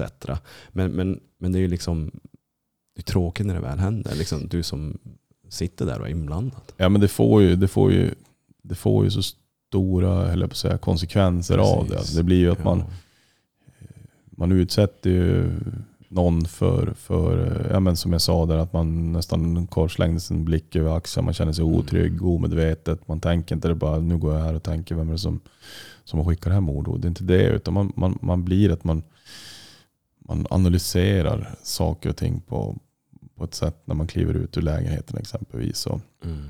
Det blir så många som är berörda. Jag menar min sambo hon vart ju också berörd av när hon skulle gå ut med barnen med barnvagn och sådana saker. Så att, eh, jag tror inte att den människan gör det igen. Jag Mm. tror att den impulskontroll, man lär sig någonting av sina misstag. Men, men man, ibland så önskar man att man ska ha haft bank-id på sociala medier ibland också. Att man måste logga in för varenda kommentar som, som ska läggas ut. Eh, För att det, det är som du säger, det är så mycket känslor i de här. Jag menar, Mm. har jag också, då får man ju alltid sina utbrott eller vad säga. Eh, och nu är ju det huvudfokuset domarna till exempel i, i, i hockeyn just nu som, som får utstå en hel del skit. Eh, eh, så att ibland måste man tänka sig för. Det finns människor bakom varenda situation och det måste jag som ledare också tänka på. att Ska jag framföra kritik till en spelare så måste jag också tänka mig för hur jag ska framföra, hur ska jag få han att förstå och lära sig eh, Mm. det jag vill få ut. Det, det är inte bara att gå fram och säga att eh, du är en knallkork, du ska inte göra så här. Utan eh, man måste ju som involvera människan i, i saker och ting för att få dem att, att förstå och lära sig. Mm, ja, verkligen. Eh, och efter Modo, då åker du en sväng till Norge om jag inte minns helt fel. Mm, det stämmer. Jag eh, sa upp mig i Modo då på våren och, och Vad var anledningarna för det? Innan vi går vidare. jag tror det var väl dels eh, att vi inte, alltså det var väl situationen som uppstod just det där med att, att vi inte tog en ny treårsplan. Att man inte var, jag kände att Ah, okay. jag var klar där helt enkelt med all respekt för människor som jobbar hårt. Jag har inga ovänner där på något sätt. Utan Mm. jag kände där och då jag var färdig. Eh, och då, eh, då beslut, vi trivdes jättebra familjen i Övik. Alltså min sambo och mina barn och alla trivdes jätte, jättebra. Så det var också lite så här sorgligt att man flyttade hem till Luleå. Men vi köpte lägenhet här i Luleå och flyttade tillbaka. Och då visste jag inte riktigt vad jag skulle ta mig an. Hade lite förfrågningar eh, från någon klubb utomlands och det var även från allsvenskan. Och, men kom som tätt på beslut jag hade tagit och då, då kände jag mig inte riktigt redo Mm. där och då. Så jag gick hemma ett par månader och, och så dök det upp då från Norge det här eh, anbudet från Komet. Och då kände att jag hade bra snack med dem och de ville ha en liten kulturförändring, en kravbild in i klubben och de satsade mot Fjordkraft, och, alltså högsta ligan. Och, Mm. och de var beredda att, att göra det. Och så sportchefen där som var, eh, jag fick en bra känsla. Man kände direkt att det här kommer gå, här kommer vi kunna jobba riktigt tajt och bra. Eh, Så då, då kände jag att jag är inte klar riktigt med hockeyn. Det här måste nog, jag måste, det, här, det här vill jag göra. Så Mm. tog vi ett snack hemma. Det var inte det lättaste heller att, att flytta då. Det var ju covid-tider och du vet regler att komma in i Norge och du måste ha tre sprutor och eh, sådana saker. Så att, men det löste sig på ett bra sätt. Eh, vi åkte ner dit. Vi påbörjade en resa som, när jag kom ner dit så hade vi nog bara 12 eller 13 spelare på kontrakt. Och när vi gick på is och bedriva en träning med 12-13 spelare kände man shit, då ska vi satsa på fjordkraft med 12-13 spelare. Så det här kommer bli skepp och hoj. Alltså. Och plus att vi ville träna hårt och man ville få in en, en, en kravbild i föreningen som det här kan ni förvänta lite av Komet. Då. Eh, men sportchefen, vi jobbade hårt, fick ihop ett, ett, ett lag då på 20 spelare plus ett samarbete med grannklubben som spelade i högsta ligan, Sparta Sarsborg. Och där sju Robert Nielsen är tränare som har varit i Leksand tidigare. Och så att vi fick en bra, bra samarbete, bra dialog så vi kunde låna lite spelare från dem också. Och um, där överraskade vi ganska rejält i serien så vi tog oss till först en playoff där man spelar bäst av fem för att ta, ta, ta sig till en kvalserie. Och vi mötte faktiskt Lörenskog hette de och de var väl favoriter mot oss absolut. Och, eh, där gick det till fem matcher eh, och vi avgjorde femte matchen på bortaplan i sadden också. Så det var sådär, oh shit, alltså det, var- det var riktigt spännande men skönt när vi fick avgöra och vara klar för kvalserien. Då. Mm. Och där då eh, i kvalserien så startade vi hemma mot, vilka var det? Det var hemma mot eh, eh, eh, Manglerud var det. Och de kom ju från högsta. Det var alltid då var det två lag från högsta serien och så två lag från näst högsta. Då. Det var vi och Narvik eh, mot Manglerud och Gryner var det då. Mm. Och Manglerud hade ju eh, riktigt bra lag på papper. De hade någon norsk landslagsmålvakt och de hade ju, eh, jag kommer inte ihåg vad han heter, den här ukrainska hockeyspelaren. De är två bröder, men de hade värvat in honom på slutet. Så de hade bra lag, men sköljde över dem i första perioden. Ledde med 3-0 hemma också inför ganska bra publiktryck. Det var en 1500 åskådare, jag tror i halvtalen 2000. Så det var bra tryck på matchen och det kokade i den där lilla byn. Eh, Så att, eh, 3-0. Eh, Vi hade nog bud på 4 och 5-0 nästan också, så vi hade kunnat punktera den i första, första perioden. Men då märkte man lite grann att den här professionalismen, att efter första perioden kändes det som att alla kom in, att vi hade vunnit matchen. Mm. Det var inga problem. Mm. Och jag kände bara, shit vad är det här? Så jag fick ju helt plötsligt bara gå in och stämma i bäcken. Om man efter 3-0 egentligen kan lyfta, om man vill fortsätta med positivt så fick man istället börja andra änden. Att höj boys, den här kan vi inte ha den här attityden som vi har nu. Kommer in här Tjoa 3-0. och tjimma. Nej, ungefär så var känslan. Mycket riktigt, efter andra perioden ledde de med 4-3. Så att, eh, där hade vi en tuff förlust. Eh, eh, hade vi vunnit den plus nästa hemma mot Gryner som vi också ledde med, med, med 2-0 men, men torskade med 3-2 så att, eh, i sadden då, så att vi fick med oss en poäng. Men det märktes någonstans att där hade vi inte det som jag upplevde vi hade med Luleås damer som vi hade jobbat Mm. över tid, fysiken. Utan vi var, vi var, det tog för hårt för, för, för, för gruppen att, att göra den resan. Vi var inte förberedd fysiskt och därför tog det också ett tufft slut. Eh, Vi, vi, eh, ja, alltså, ser man till helheten så är det en av de bättre säsongerna som vi har gjort efter de förutsättningar som jag har varit med om som ledare. Med tanke på att vi startar med, med att få in en kravbild och en kulturförändring vad det gäller träning, professionalism, förberedelse. Och, eh, så, så vi gick till kvalserien vilket var överraskande för många. Eh, och sen fortsätter de den resan i år. Då, så att i år var de bara en poäng från att ta sig upp. Så man blir glad att se att de, att de fortsätter. Det, det Mm. lyckas. Du, har- du, har som, eh, du, du har satt någonting i rullning där egentligen. Ja, men jag tror, det, det hoppas jag att jag bidragit någonting. spår. Ja men exakt, man Ja. hoppas man har bidragit med någonting och det, det tror jag. Och framförallt just den kravbilden och, och, och eh, vad som krävs för att, att bli elitidrottare och hur man ska leva och förbereda. Det, det är någonstans satte vi en standard på som jag, som jag är övertygad om att ha tagit med och byggt vidare på. Mm. Och efter Norge, det vart en säsong där. Mm. Och då var det Tingsryd va? Precis, jag hade faktiskt eh, två anbud då från Allsvenskan efter det. Så jag, valet föll på Tingsryd. Eh, kändes som en väldigt familjär organisation. Eh, jag fick en otroligt bra bild av dem när de kontaktade mig och eh, bestämde ganska snabbt då att, att skriva på två år för dem. Eh, och de har stöttat och hjälpt eh, på ett jätte, jättebra sätt för att få eh, ja, men mig att komma in i det och, och varit mottaglig på det sättet. Så att, eh, det var en intressant första säsong som tränare i Hockeyallsvenskan som är en otroligt rolig liga. Alltså den, Mm. den är häftig att se på. Det är nästan så att den är roligare. Den är, den är roligare att se på än SHL. Det Det, kan, det. kan jag Ja. hålla med om. Och, så att, eh, det var ju en, en flytt som innebar ett par hundra mil söderut från Luleå där min, min sambo och mina två yngsta barn följde med. Och sen hade jag två barn kvar i Luleå då, eh, som min mamma kunde åka ner med, någon, eh, med, med en av dem under lov och sådär. Så att det var ganska tufft att vara, vara iväg på det sättet. Det, och det hade jag väl känt i Norge då jag var iväg själv. Helt i och med att coviden ställde till det. Att det inte gick som att få ner familjen.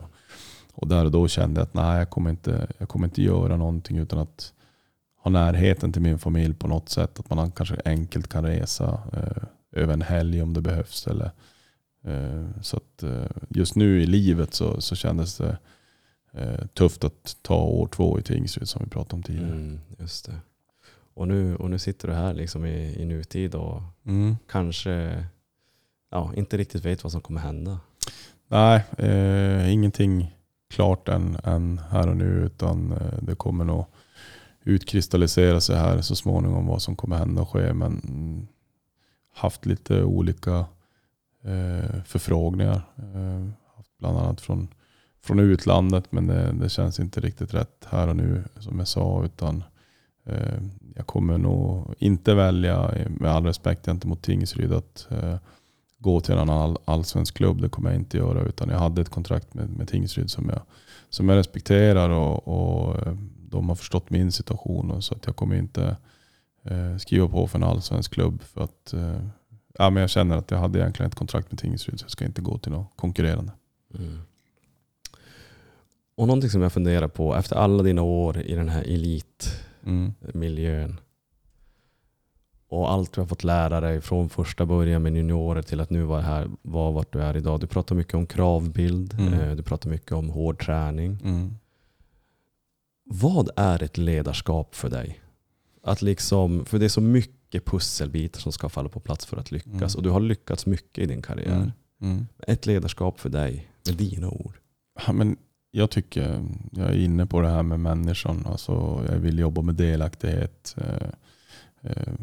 Jag försöker alltid involvera spelare i deras individuella utveckling. Eh, Jag kan stå och peka på en människa vad, vad den ska göra och utföra. Men får jag inte med den människan att, att vara på samma linje som mig så, så kommer jag inte heller lyckas att hjälpa den att utvecklas. Och den kommer inte utvecklas. Så jag, jag tycker att eh, ledarskap idag, modernt ledarskap, är att man är lyhörd framför allt. Att man Mm därav också kan, kan ställa en kravbild som, som harmoniserar med vad individen och gruppen är någonstans. Så att jag går alltid oftast tillbaka till just människan. Att, att människan ska må bra, få prestera bra. Eh, och det, det är någonstans mitt. Jag, jag, jobbar, jag har jobbat själv med ledare som har pekat med hela handen och, och bett en i stort sett fara åt fanders när man inte har gjort som de har sa. Jag har jobbat med ledare som har verkligen månat om om, om mig som människa och, och utveckling och sådär. Det är någonstans där jag pekar åt också. Att, att ha en lyhördhet och skapa en tydlighet ut efter det. Mm. Jag tycker det är fint att du säger det. Liksom, du nämner att du har haft det här hårda ledarskapet, lite old school ledarskapet Mm. skulle jag vilja säga. Mm. Och jag har själv haft det. Mm. Jag har haft tuffa tränare där man Mm. eh, liksom Jag jobbar ju själv också med klienter i, i, så, så som livsstilscoach Mm. eh, i Luleå Hockey. Och något som skrämmer mig lite grann det är det att bara för att man spelar i en elitserieförening, SHL-förening som Luleå Hockey och är i deras juniorlag och så betyder det ju inte att alla kommer bli proffs. Nej. Men något som skrämmer mig är det att det är lite den här agendan att om du spelar i 20 i Sveriges bästa juniorliga Mm. och därefter tar ett steg till division 1. Mm. För det är ett ganska vanligt steg. Ja, verkligen.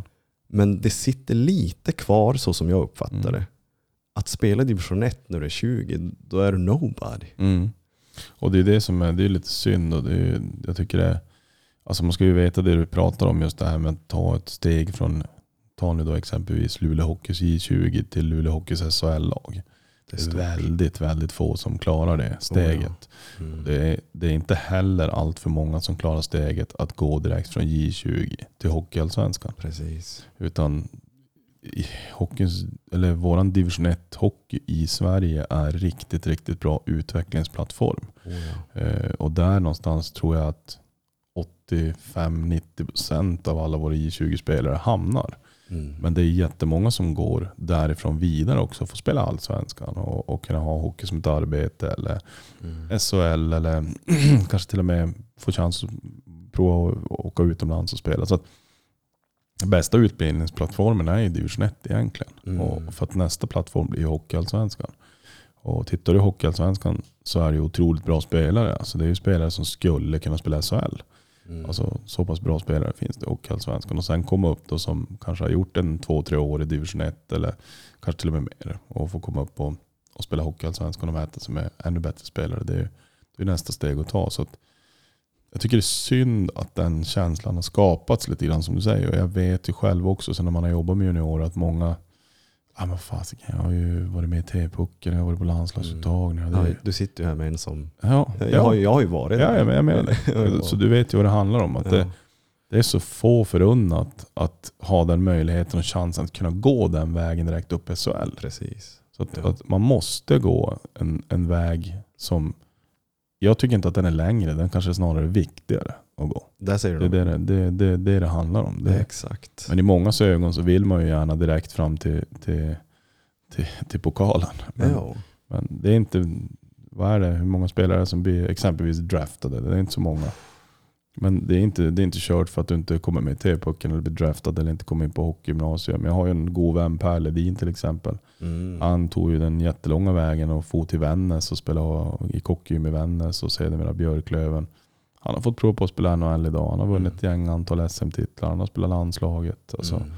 Så det, det, det, det är lite synd att det är så skarpa linjer tycker jag inom hockeyn. Att man, man målar fan på väggen lite för fort. Men jag tänker det och, och, och så som jag också ser på det, eh, liksom med mina perspektiv, det är det att det, det handlar ju också om att utbilda de här uh, unga människorna i att vara förberedd på att gå en längre väg. Mm. Men, men som du sa, som var så fint, kanske en viktigare väg. Mm.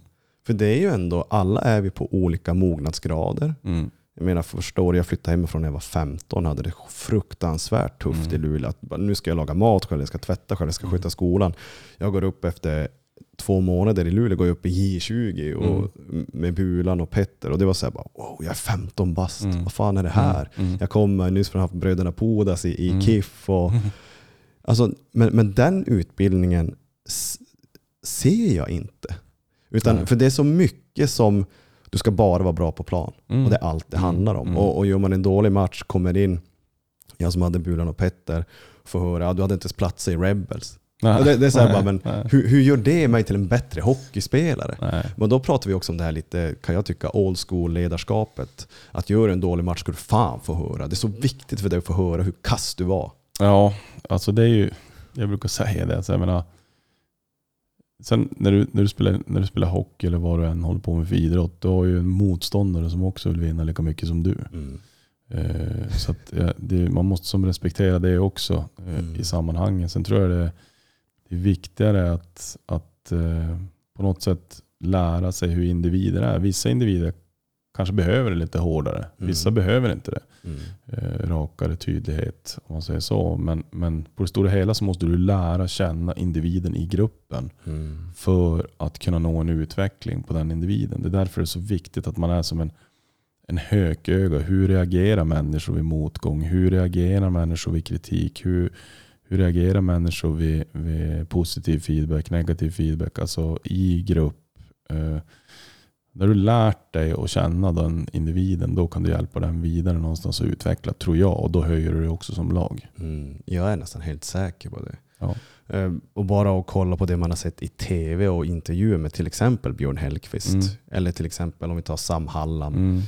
Eh, nu Jörgen Jönsson. Alltså det, det är så lugna individer utåt Mm. sett. Mm. Det, det förmodligen skriks det, det ställs krav i, Mm. liksom innanför, innanför dörrarna. Mm. Men det, men det sprids ett lugn kring Mm. dem. Mm. Precis som att sitta med här med dig och höra din historia, det, det lilla Mm. jag har haft dig som coach. Mm. Jag tror aldrig jag fått höra att jag har varit sämst av dig. Nej, det hoppas jag inte.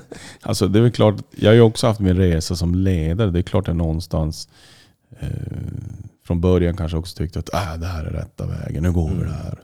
Utan ja, men däremot så, så har jag försökt tänka att alla, alltså kommer jag till ett lag, oavsett om det är damlag, juniorlag, herrlag, whatever, så jag kan lära mig någonting. Jag menar, tar jag till exempel i år när jag var i Hockeyallsvenskan första året så otroligt mycket hjälp av Daniel Örn som var lagkapten, eh, Daniel Sylvander som har varit i Modo, Jakob Lundegård som är från TAIF. Alltså, de har lärt mig mycket. De har lärt mig mycket. Hur funkar det i Tingsryd? Hur funkar det i Hockeyallsvenskan? Vad är det vi möter för spelare? Vad, vad, alltså, jag brukar vara ganska snabb och analysera det läget och är mottaglig för att ha diskussioner och feedback istället för att gå in och säga så här, okej det här är vårt spel, det här ska vi utföra, punkt slut, Exakt. gå och sätt det, var tyst. Alltså, det är de som ska utföra det. Det är deras känsla, Mm. det är deras erfarenhet som kan dra nytta av att jag hjälper dem på vilket sätt vi ska spela. Mm. Sen är jag tydlig med att jag har en spelidé, det här vill jag att vi ska spela. Men eh, jag tror att jag måste få dem att, att tycka om det på något sätt. Eh, jag kan också få dem att hata det.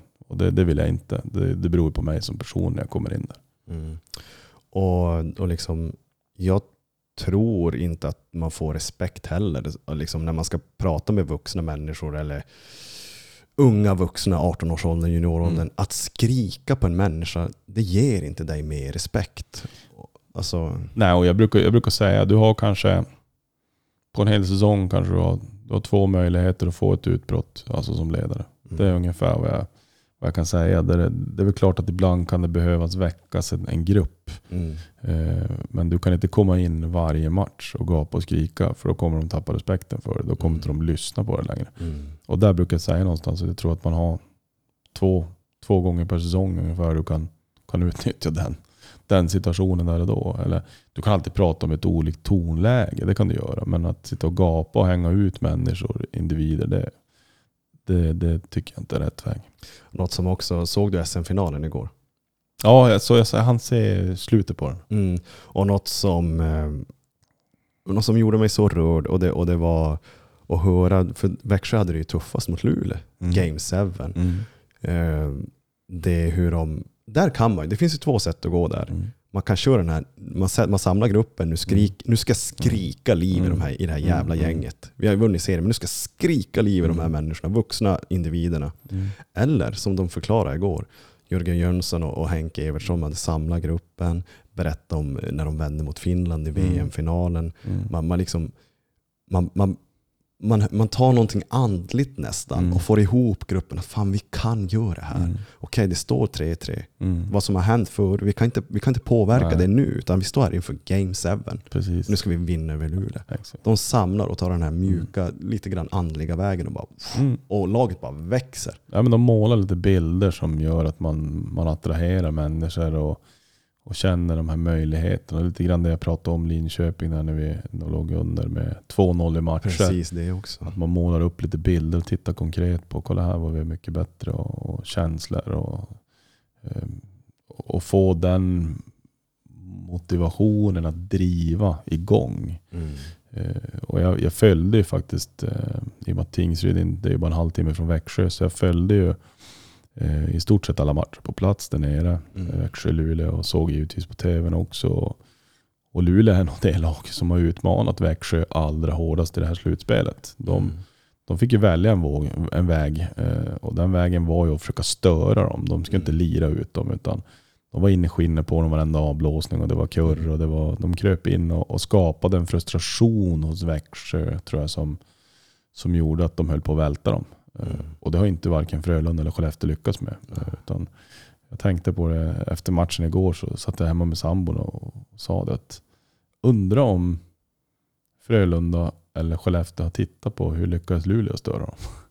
Alltså man, man kan Ja, bli lite en stolthet att gå ifrån Mm. sitt eget lite grann. Att okej, nej, men det här är vårat sätt. Men någonstans så, så kommer ju stöta på proble- problem. Och I ett slutspel så är det ju vinna eller försvinna. Och då, då kanske man måste stryka vissa parametrar och så tänka att okej, hur gjorde de? Hur rubbar de? Eh, Okej, Just är det något vi kan ta med oss av det här? Får jag förstå. Så att det, Ja. det är bara en reflektion. Nu tror jag givetvis de här är professionella. De har säkert gjort det och jobbat och tittat och, och sett och sen valt sin väg för det. All respekt, Växjö är ett jättebra hockeylag och, och Mm. de, de, de vann välförtjänt. Mm, ja, det kan jag hålla med om. Alltså, och jag tyckte, min reflektion, om man får dra en kort, är det att eh, det kändes som att det var mer panikartat i Skellefteå. Trots varje matchbild i Mm. varje match. Växjö har pucken, man hinner kolla upp, Mm. man får press på sig, men man lyckas ändå lösa varje situation så fruktansvärt bra. Men det som, jag, det som jag mest reflekteras över är att på åtta år har Växjö tagit fyra guld. Vad är det som gör en så pass ung förening i Mm. SHL så framgångsrik? Men det, är, det är bara klubbar som Djurgården, Färjestad och sånt där som har lyckats det Växjö har gjort. Eh, Luleå har tagit Ett. ett guld på 27 år. Alltså Mm. senaste, medan de har tagit, fyra på åtta år. Mm. Alltså det måste finnas en, en sån struktur och en tydlighet i klubben som gör att oavsett om vi byter ut en eller två spelare så kommer man in och man känner en tydlighet. Okej, det är det här som gäller. Det här är vägen ska gå. Så att, och där, jag vet jag har haft en hel del dialog med Evertsson som är sportchef där som jag Mm. eh, har pratat med. Då. Och jag, kan, jag är imponerad av honom. Han har gjort en, ett otroligt jobb med Växjö Lakers. Sen får folk tycka och tänka, supportrar tycker och tänker sitt om, om allt med plastklubbar och alltihop. Och det, det tänker inte jag, utan jag tänker på det sportsliga. Och, Mm. och där kan jag inte låta bli att imponeras av det Evertsson har skapat och gjort i Växjö. Han har gjort någonting otroligt starkt. Eh, som, som driver den klubben framåt och vinner titlar. Han, han är ganska tydlig också som ledare. Han har, ju, han har varit tydlig och sagt att för mig spelar det ingen roll om man, om man kommer från Kanada, Finland eller Storbritannien. Eller, utan vi är här för att vinna guld. Det är det som gäller. Så han, är väldigt, han väljer ju en väg att gå medan många föreningar kanske säger att ja, vi ska skapa egna produ- produkter och vi ska vinna med egna killar från orten. Och rätt eller fel, det bedömer jag inte. Det kan också vara en rätt väg att gå. Men Mm. Han har varit väldigt tydlig. Och, eh, som jag tror kan sticka i många Ja. ögon i svensk ishockey. Det tror Ja, ja. jag. Men det han har gjort, det kan ingen ta ifrån honom. Nej, nej, det är helt omöjligt. Och, och det finns ett talesätt som säger att du höjs inte till nivån av dina mål. Nej. Du fallerar till botten av ditt system. Mm. Så att oavsett, precis som du och jag, hade jag varit tränare i Hockeyallsvenskan, Mm. vi båda har mål att vinna Mm, Hockeyallsvenskan. Men vårt system kommer bevisa vart vi tar oss. Exakt. Som du säger också, Luleå 27 år, 28 år i högsta serien, ett SM-guld, några finaler. Mm. Det är så här, jag säger inte att det de gör är rätt eller fel, Nej. men, men mitt tankesätt, jag vill försöka se det ett, som ett öppet perspektiv. Mm. Okej, vi har tagit ett SM-guld över de här åren. Växjö har tagit fyra guld av fyra finaler på åtta år. Mm. Kan vi ta någonting härifrån? Förstår du vad jag menar? Ja. Alltså, ska man, är man så ingrodd i sitt tankesätt, i sin identitet, att det här är Luleå Hockey, det är, det är jobbigt att komma till Coop Arena. Fine, men vart är gulden? Ja men exakt. Och det, jag, ja, vi får hoppas att Enbom och, och Skuggan kanske lyssnar på, Ja. på den här podden. Så skickar vi en hälsning. Åk ner och besök Evertsson och grabbarna i Växjö. Det är självklart att det, det finns mycket man ska kunna ta av därifrån. Mm. Jag säger inte att man ska kopiera exakt så här gör det, men alltså, du kan ju få infallsvinklar som gör att oh shit, det här kan vi göra Mm. någonting av. Det, och det säger ju sig själv. Alltså, det, det är tittarna som talar.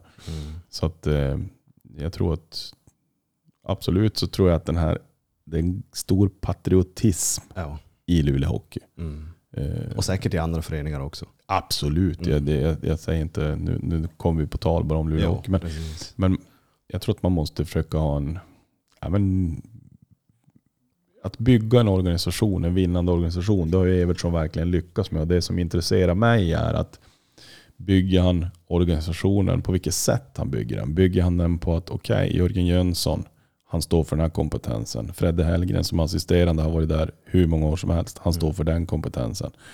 Eh, sjukgymnasten, eh, alltså förstår du? Mm.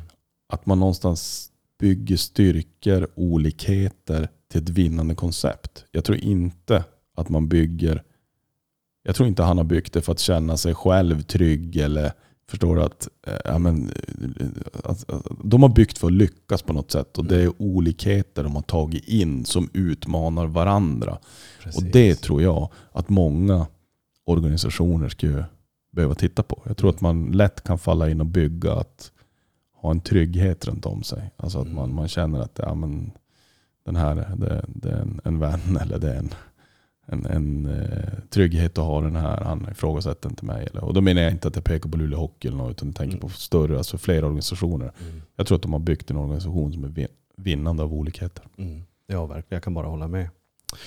Hörru du Glader, vi, du ska snart få kila iväg. Tiden tickar på här. Eh, men jag tänker att eh, du ska få sätta lite ord på det här innan, innan vi avslutar. Mm. Och det är det som jag ställer till alla gäster. Det är det att om Fredrik Glader får eh, sätta sin prägel på livet och till oss lyssnare, eh, till dem där ute.